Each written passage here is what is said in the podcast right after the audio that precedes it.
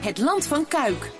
Het land van heerlijke, mooie, verrassende en interessante ontmoetingen. En per 1 januari 2022 dan zijn we de gemeente Land van Kuik. Zoals u eh, allemaal ondertussen wel zult weten, denk ik. En op 24 november dan hebben we de gemeenteraadsverkiezingen.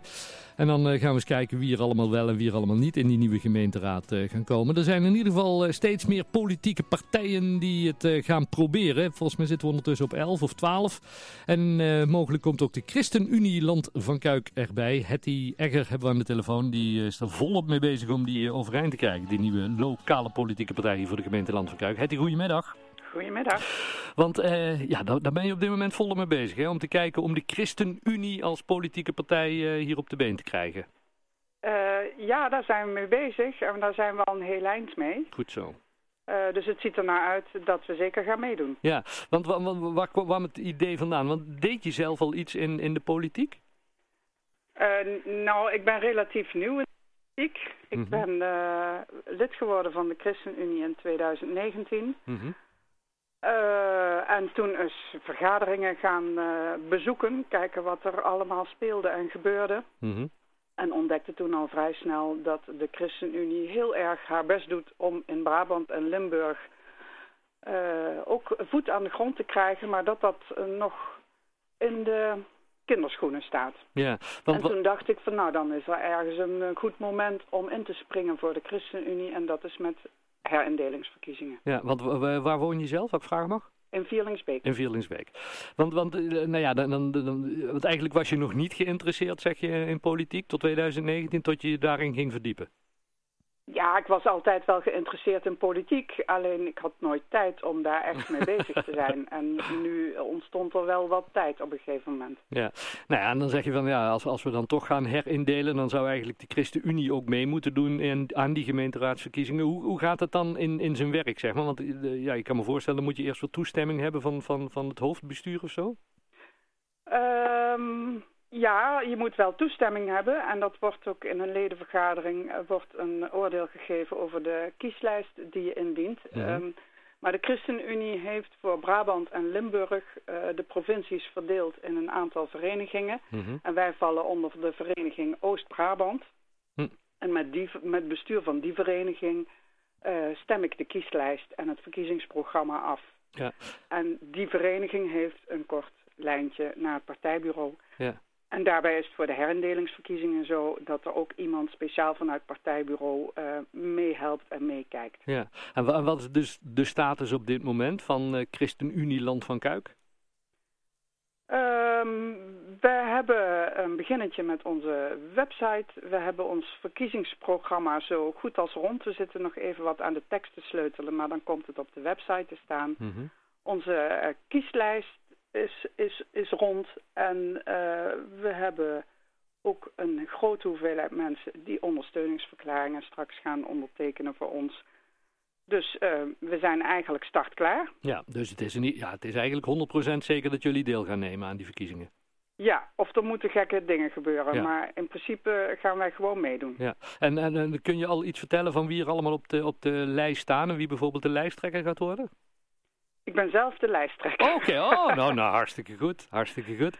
En, ja. en, en, en wat, wat, wat trekt jou dan in, in, in, om, om te zeggen van ja, ik, ik ga echt die politieke arena in? Want ja, zoals, zoals je al, al zei, het kost enorm veel tijd. Uh, ja, het is veel, veel werk, veel lezen, veel, veel dingen. In de politiek, ja, je doet hetzelfde voor iedereen goed. En, en waarom besluit je dan toch om te zeggen, ja, ik, ik ga dat toch doen? Nou, er waren uh, twee redenen om mij daarmee bezig te houden. De eerste was de ChristenUnie zelf, uh, die als partij, uh, naar mijn idee, een uniek geluid, geluid in de politiek laat horen. Mm -hmm. um, en dat wilde ik heel graag ondersteunen en ook zelf uitdragen. En de tweede reden is dat ik als advocaat vaak um, aan het einde van de problemen van mensen wordt ingeroepen... Mm uh, te maken heb met regelgeving, veelal ook lokale regelgeving, waar mensen in vastgelopen zijn. En dat je soms wel eens denkt van nou, dat kan ook anders en beter vanuit de politiek.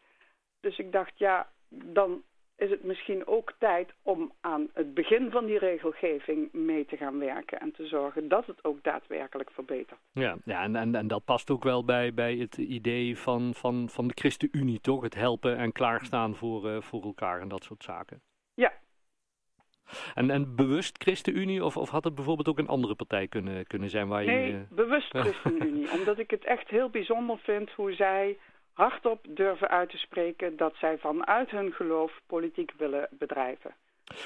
Op 24 november dan uh, is het zover de gemeenteraadsverkiezingen. Wat, wat, wat, is een beetje het gevoel wat je zegt qua, qua zetels, als je, als je daar nu over nadenkt en tussen de oogharen doorkijkt?